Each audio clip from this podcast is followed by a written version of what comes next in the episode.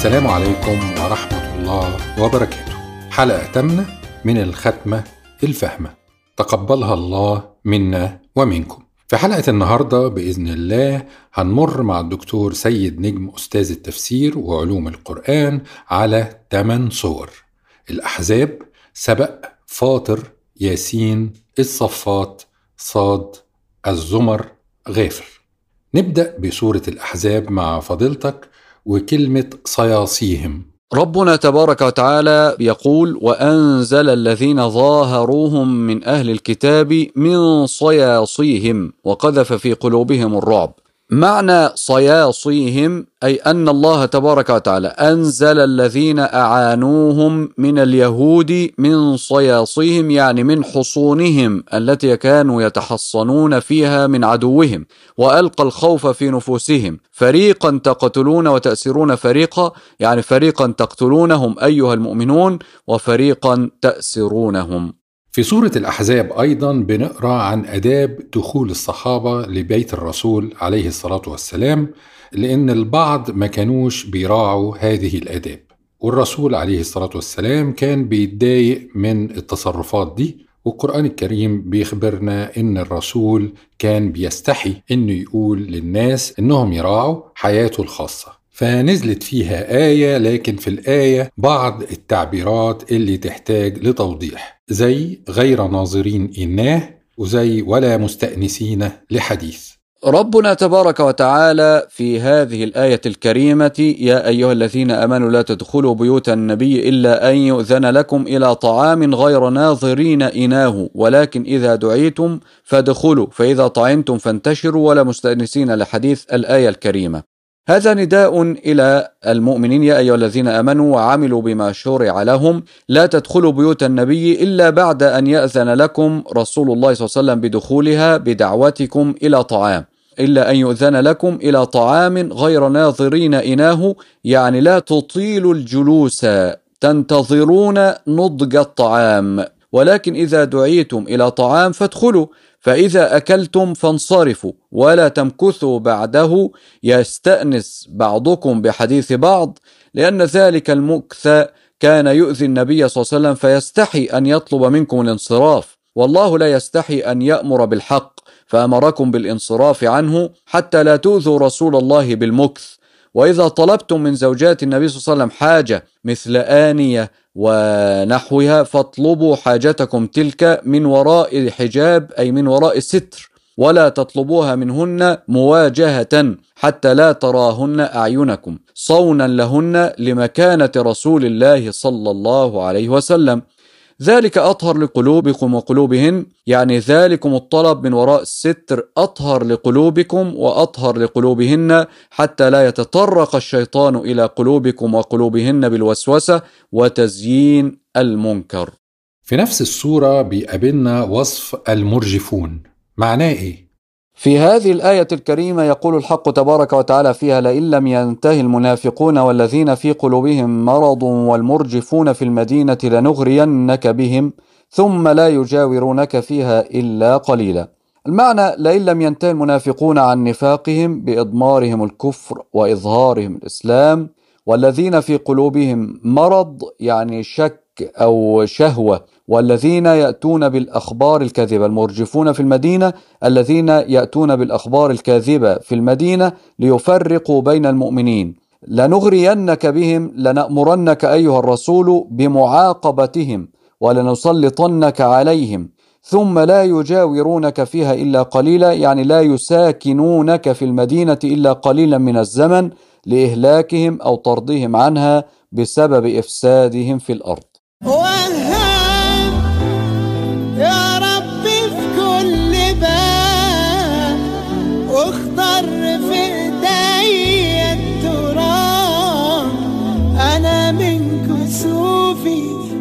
خفت أقول من نعمتك بعمل ثواب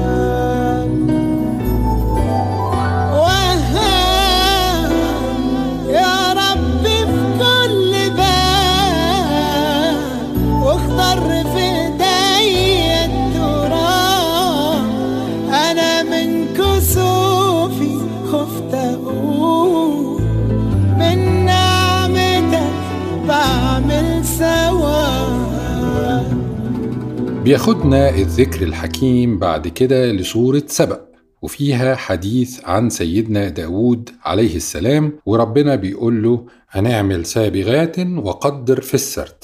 وبعدين عن سيدنا سليمان في الآية التالية بيقول وأسلنا له عين القطر.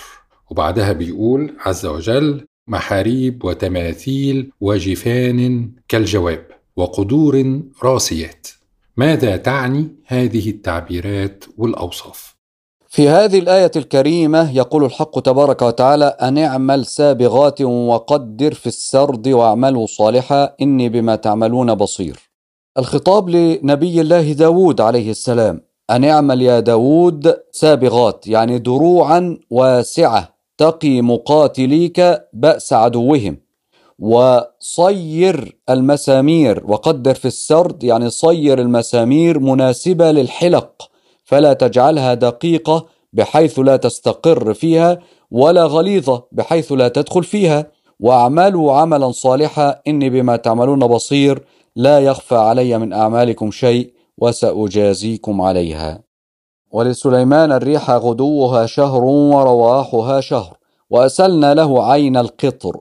ومن الجن من يعمل بين يديه بإذن ربه ومن يزغ منهم عن أمرنا نذيقه من عذاب السعير. أي سخرنا لسليمان الريح تجري بأمره. غدوها شهر ورواحها شهر يعني تجري من أول النهار إلى انتصافه مسيرة شهر ومن منتصف النهار إلى الليل مسيرة شهر بالسير المعتاد. وأسلنا له عين القطر يعني أسلنا له النحاس كما يسيل الماء يعمل به ما يشاء. وسخرنا له من الجن من يعمل بين يديه بإذن ربه ومن يعدل منهم عن أمرنا الذي أمرناه به من طاعة سليمان نذقه من عذاب النار المستعرة.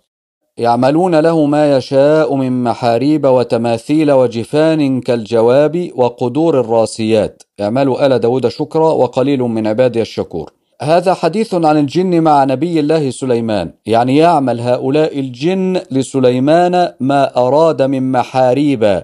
محاريب مساجد للصلاة ومن قصور وتماثيل يعني صور وجفان كالجواب. يعني ما يشاء من قصاع مثل حياض الماء الكبيرة قصعة كبيرة. وقدور الراسيات قدور الطبخ الثابتات. راسيات يعني ثابتات فلا يحركن لعظمهن. وقلنا لهم اعملوا يا آل داود شكرا وقليل من عبادي الشكور على ما أنعمت عليه. بعد آيات قليلة تالية في نفس السورة سورة سبأ حديث عن سبأ اللي السورة تسمت باسمها وإنه أصابهم سيل اسمه سيل العرم. وبعدين الآية بتقول جنتين ذواتي أكل خمط وأثل وشيء من سدر قليل. في هذه الآية الكريمة فأعرضوا فأرسلنا عليهم سيل العارم وبدلناهم بجنتيهم جنتين ذواتي أكل خمط وأثل وشيء من سدر قليل. حديث عن أهل سبأ. أعرضوا عن المنعم وعن عبادته وبطروا النعمة وملوها حتى إنهم طلبوا وتمنوا أن تتباعد أسفارهم بين تلك القرى التي كان السير فيها متيسرا وظلموا أنفسهم بكفرهم بالله وبنعمته فعاقبهم الله تعالى بهذه النعمة التي أطغتهم فأبادها عليهم فأرسل عليهم سيل العرم أي السيل المتوعر الذي خرب سدهم سيل كبير من الماء وأتلف جناتهم وخرب بساتينهم فتبدلت تلك الجنات ذات الحدائق المعجبة والأشجار المثمرة وصار بدلها أشجار لا نفع فيها. ولهذا قال وبدلناهم بجنتيهم جنتين ذواتي أكل أي شيء قليل من الأكل الذي لا يقع منهم موقعا. يعني لا يشبع. خمط وأثل وشيء من سدر قليل ده كله شجر معروف. يعني شجر معروف لا نفع فيه. يبقى ذواتي أكل خمط يعني بستانين مثمرين بالثمر المر. وأثل وفيها شجر الأثل غير المثمر وشيء قليل من السدر. أغيب وذو اللطائف لا يغيب لا يغيب. وأرجوه رجاء لا يخيب لا يخيب. وأسأله السلامة من زمان بليت به نوائبه تشيب. وأنزل حاجتي في كل حال إلى من تطمئن به القلوب. فكم لله من تدبير أمر طوته عن المشاهدة الغيوب. قرب ختام سورة سبأ بنقرأ ولو ترى إذ فزعوا فلا فوت يعني إيه فلا فوت؟ ولو ترى إذ فزعوا فلا فوت وأخذوا من مكان قريب يقول تعالى ولو ترى يعني أيها الرسول ومن قام مقامك حال هؤلاء المكذبين إذ فزعوا حين رأوا العذاب وما أخبرتهم به الرسل وما كذبوا به لرأيت أمرا هائلا ومنظرا مفظعا وحال منكرة وشدة شديدة وذلك حين يحق عليهم العذاب. فلا فوت يعني ليس لهم عنه مهرب ولا فوت. وأخذوا من مكان قريب أي ليس بعيدا عن محل العذاب بل يؤخذون ثم يقذفون في النار والعياذ بالله. جزا الله حضرتك خيرا عظيما. ندخل بقى في سورة فاطر. وفيها كلمة قطمير. يقول الحق تبارك وتعالى في هذه الآية في سورة فاطر يولج الليل في النهار ويولج النهار في الليل وسخر الشمس والقمر كل يجري لأجل مسمى. ذلكم الله ربكم له الملك والذين تدعون من دونه ما يملكون من قطمير. هنا يدخل الله الليل في النهار فيزيده طولا ويدخل النهار في الليل فيزيده طولا. وسخر سبحانه الشمس وسخر القمر كل منهما يجري لموعد مقدر يعلمه الله وهو يوم القيامة. ذلك الذي يقدر ذلك كله ويجريه هو الله ربكم له وحده الملك. والذين تعبدونهم من دون الله من الأوثان ما يملكون من قطمير يعني ما يملكون قدر لفافة نواة التمر القشرة الصغيرة اللي بتكون على نواة التمر.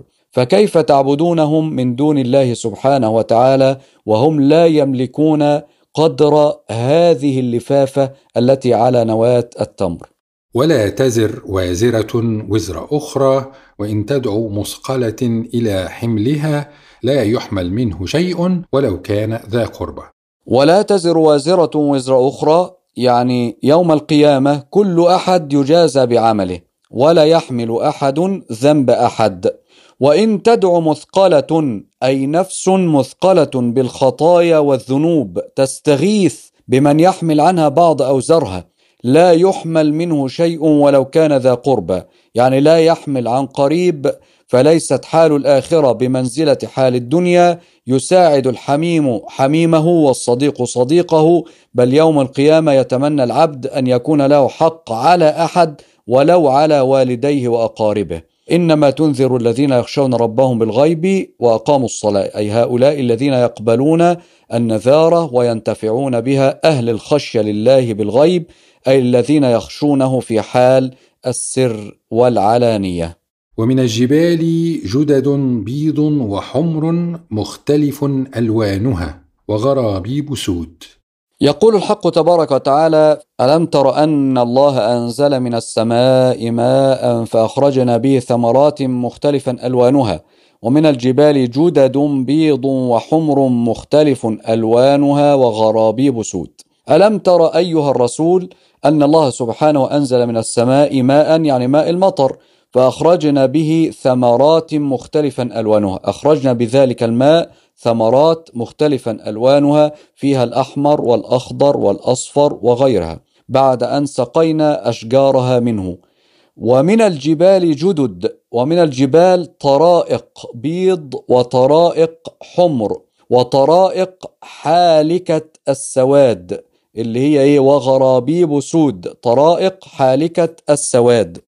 يعني إيه لغوب؟ يقول الحق تبارك وتعالى الذي أحلنا دار المقامة من فضله لا يمسنا فيها نصب ولا يمسنا فيها لغوب. يعني الذي أنزلنا دار الإقامة اللي هي الجنة التي لا نقلة بعدها من فضله لا بحول منا ولا قوة. لا يمسنا فيها نصب يعني لا يمسنا أو يصيبنا فيها تعب ولا يمسنا فيها لغوب يعني لا يصيبنا فيها عناء. وكم في الغيب من تيسير عسر ومن تفريج نائبة تنوب ومن كرم ومن لطف خفي ومن فرج تزول به الكروب ومن لي غير باب الله باب ولا مولى سواه ولا حبيب. كريم منعم بر لطيف. جميل الستر للداعي مجيب. ندخل بقى على سورة ياسين وفي بدايتها بنقرأ كلمة مقمحون. قول الحق تبارك وتعالى لقد حق القول على أكثرهم فهم لا يؤمنون. إنا جعلنا في أعناقهم أغلالا فهي إلى الأذقان فهم مقمحون. يعني لقد وجب العذاب على أكثر هؤلاء الكافرين. بعد أن عرض عليهم الحق فرفضوه فهم لا يصدقون بالله ولا برسوله ولا يعملون بشرعه. إنا جعلنا هؤلاء الكفار الذين عرض عليهم الحق فردوه وأصروا على الكفر وعدم الإيمان كمن جعل في أعناقهم أغلال فجمعت أيديهم مع أعناقهم تحت أذقانهم فاضطروا إلى رفع رؤوسهم إلى السماء فهم مقمحون يعني مغلولون عن كل خير لا يبصرون الحق ولا يهتدون إليه طب يعني إيه العرجون القديم؟ قول الله تبارك وتعالى والقمر قدرناه منازل حتى عاد كالعرجون القديم ربنا تبارك وتعالى يسوق لنا الأدلة على وحدانيته وقدرته وآية لهم دال على توحيده سبحانه هذا القمر الذي قدرناه منازل. كل ليلة يبدأ صغيرا ثم يكبر ثم يصغر حتى يصير مثل عذق النخلة المتعرج المندرس في رقته وانحنائه وصفرته وقدمه فكالعرجون القديم أي مثل عذق النخل المتعرج. بنقرأ برضو في سورة ياسين يخصمون. قول الله تبارك وتعالى ما ينظرون إلا صيحة واحدة تأخذهم وهم يخصمون هذا جواب لهم عما سبق في الآية السابقة ويقولون متى هذا الوعد الذي تعدون به من العذاب والقيامة والمصير إلى الجنة أو النار إن كنتم صادقين فيما تقولونه وتعدون به. قالوا ذلك استهزاء منهم وسخرية بالمؤمنين ومقصودهم في ذلك إنكار البعث والعذاب والقيامة بالمرة ونفي تحققه وجحد وقوعه. فأجاب الله سبحانه عنهم بقوله ما ينظرون إلا صيحة واحدة أي ما ينتظرون إلا صيحة واحدة وهي نفخة إسرافيل في الصور. تأخذهم وهم يخصمون أصل يخصمون يختصمون في ذات بينهم في البيع والشراء ونحوهما من أمور الدنيا وهذه هي النفخة الأولى وهي نفخة الصعق الصورة التالية معانا النهاردة هي صورة الصافات ولنا وقفة مع بدايتها. بسم الله الرحمن الرحيم. والصافات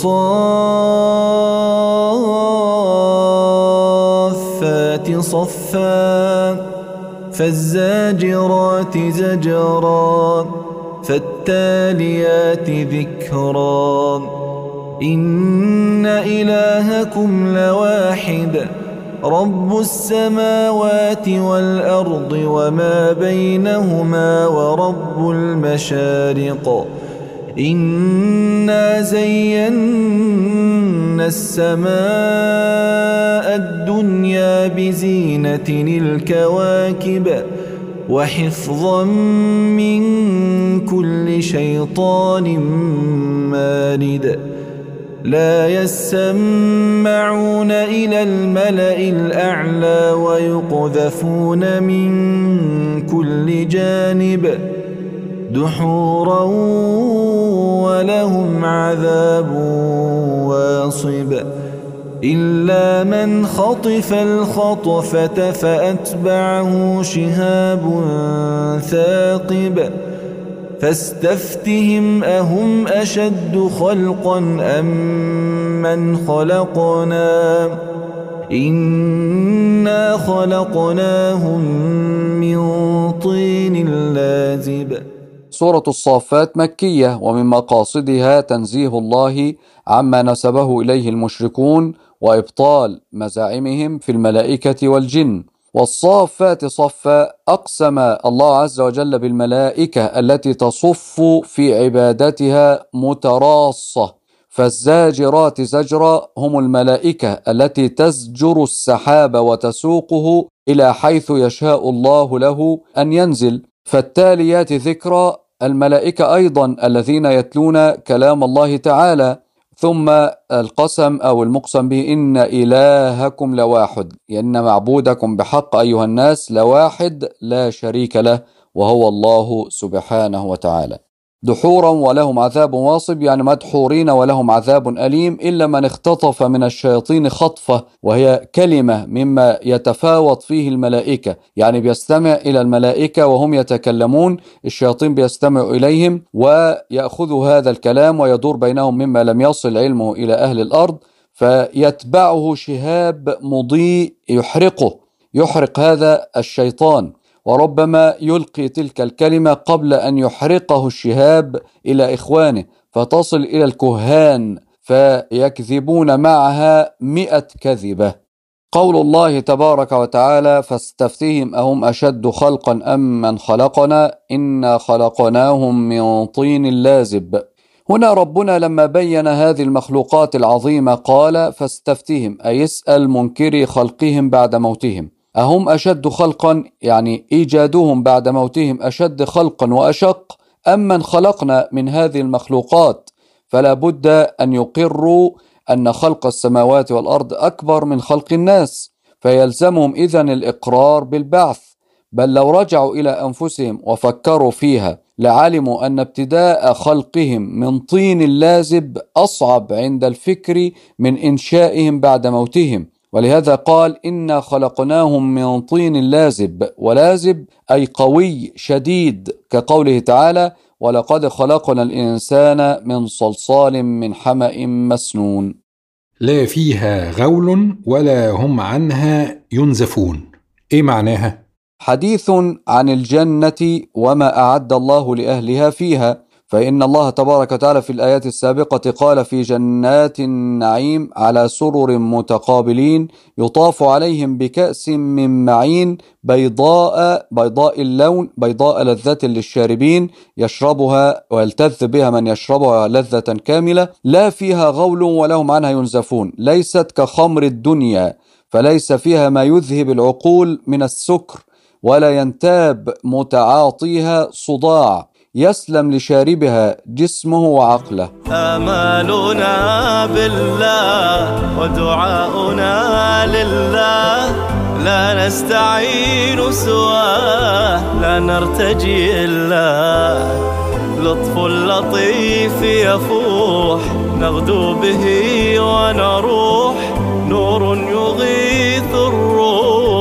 من ذكر اسم الله. آمالنا بالله ودعاؤنا لله. لا نستعين سواه لا نرتجي إلا. لطف اللطيف يفوح نغدو به ونروح. نور يغيث الروح من ذكر اسم الله. لا تصلح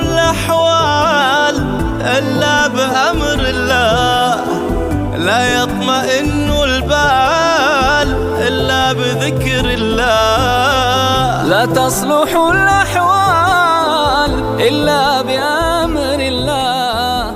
لا يطمئن بعد سورة الصفات بتيجي سورة صاد وفي أولها تحديدا في الآية 3 بنقرأ فنادوا ولا تحين مناص. هنا تخويف من الله تبارك وتعالى وتهديد للمشركين به بمن قبلهم من الكفار فقال كم أهلكنا من قبلهم من قرن يعني الأمم الخالية المهلكة بتكذيب الرسل أي كم أهلكنا من الأمم الخالية الذين كانوا أمنع من هؤلاء وأشد قوة وأكثر أموالا فنادوا ولا تحين مناص. النداء هنا هو نداء الاستغاثة منهم عند نزول العذاب بهم يعني معنى الآية وليس الحين حين مناص وقال الحسن نادوا بالتوبة وليس حين التوبة ولا حين ينفع العمل. والمناص هو الفوت والتأخر ولات بمعنى ليس بلغة أهل اليمن. يعني ليس الوقت وقت مناص ولا هرب ولا توبة. في سورة صاد في موقف كده لسيدنا سليمان عليه السلام مع الخيل. يا ريت نسمع من حضرتك شرح مبسط له. قول الله تبارك وتعالى إذ عرض عليه بالعشي الصافنات الجياد. حديث عن نبي الله سليمان. اذكر يا رسول الله حين عرضت على سليمان عصرا الخيول الأصيلة السريعة. الصافنات أي التي تقف على ثلاث قوائم وترفع الرابعة لنجابتها وخفتها. فما زالت تعرض عليه بمنظرها الجميل الرائع حتى غابت الشمس وألهته عن ذكر الله وعن صلاة المساء. فقال إني أحببت حب الخير عن ذكر ربي حتى توارب بالحجاب يعني إنني آثرت حب الخيل عن ذكر ربي حتى غابت الشمس عن عينيه ردوها علي يعني ردوا علي الخيل التي عرضت من قبل فردت عليه فطفق مسحا بالسوق والأعناق يعني شرع يضرب سيقانها ورقابها بالسيف قربة لله لأنها كانت سبب فوات صلاته وكان التقرب بذبح الخيل مشروعا في شريعته. يعني إيه كلمة ضغثا الواردة في قصة سيدنا أيوب عليه السلام؟ قول الله تبارك وتعالى وخذ بيدك ضغثا فاضرب به ولا تحنث. إنا وجدناه صابرا نعم العبد إنه أواب. حديث عن نبي الله أيوب عليه السلام. وقلنا له خذ بيدك حزمة من الحشيش ونحوه. فاضرب بها زوجك إبرارا بيمينه فلا تحنث. إذ أقسم ليضربنها مئة جلدة إذا شفاه الله. لما غضب عليها من أمر يسير أثناء مرضه. وكانت امرأة صالحة. فرحمها الله ورحمه بهذه الفتوى أنه يأخذ حزمة من الحشيش فيضربها بها فكأنه بر بقسمه. إنا وجدنا أيوب صابرا على البلاء نعم العبد هو إنه أواب أي رجاع إلى طاعة الله. الصورة قبل الأخيرة معانا النهاردة هي سورة الزمر. وفيها مثال عن رجل فيه شركاء متشاكسون. ممكن توضيح من حضرتك للآية دي؟ قول الله تعالى ضرب الله مثلا رجلا فيه شركاء متشاكسون ورجلا سلما لرجل. هل يستويان مثلا؟ الحمد لله بل أكثرهم لا يعلمون. ضرب الله مثلا للمشرك والموحد رجلا مملوكا لشركاء متنازعين. متشاكسون يعني متنازعين. هذا المملوك إن أرضى بعض الشركاء أغضب الآخر فهو في حيرة واضطراب. على عكس رجل آخر خالص لرجل واحد وحده يملكه ويعرف مراده في طمأنينة وهدوء بال فلا يستوي هذان الرجلان. الحمد لله بل معظمهم لا يعلمون فلذلك يشركون مع الله غيره. إلهي أنت تعلم كيف حالي. فهل يا سيدي فرج قريب؟ فيا ديان يوم الدين فرج.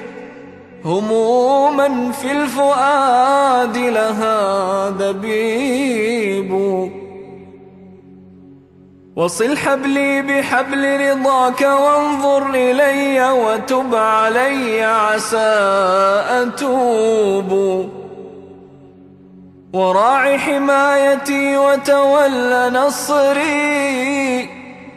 وشد عراي إن عرت الخطوب.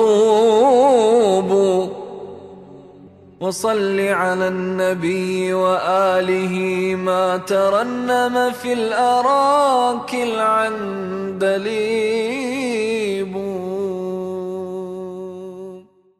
طيب يعني إيه مفازتهم؟ قول الله تبارك وتعالى وينجي الله الذين اتقوا بمفازتهم لا يمسهم السوء ولا هم يحزنون ينجي الله أي يسلم الله الذين اتقوا ربهم بامتثال أوامره واجتناب نواهيه من العذاب بمفازتهم يعني بإدخالهم مكان فوزهم وهو الجنة. لا يمسهم العذاب ولا هم يحزنون على ما فاتهم من الحظوظ الدنيوية. وصلنا لآخر سورة معانا في الحلقة دي ألا وهي سورة غافر. وفي بدايتها يصف الله عز وجل نفسه بأنه ذي الطول. قول الله عز وجل غافر الذنب وقابل التوب شديد العقاب ذي الطول لا إله إلا هو إليه المصير. غافر الذنب للمذنبين وقابل التوب من التائبين شديد العقاب على من تجرأ على الذنوب ولم يتب منها.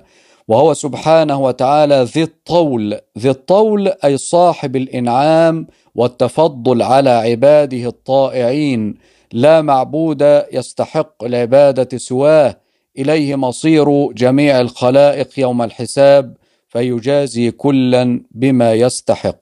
طب يا ريت حضرتك تشرح لنا لماذا وصف يوم القيامة في هذه الصورة بأنه يوم الآزفة؟ يقول تبارك وتعالى وأنذرهم يوم الآزفة إذ القلوب لدى الحناجر كاظمين هنا يقول تعالى لنبيه محمد صلى الله عليه وسلم وأنذرهم يوم الآزفة يوم الآزفة أي يوم القيامة سميت القيامة بالآزفة لأنها قد أزفت وقربت وآن الوصول إلى أهوالها وقلاقلها وزلازلها. إذ القلوب لدى الحناجر أي قد ارتفعت وبقيت أفئدتهم هواء ووصلت القلوب من الروع والكرب إلى الحناجر شاخصة أبصارهم.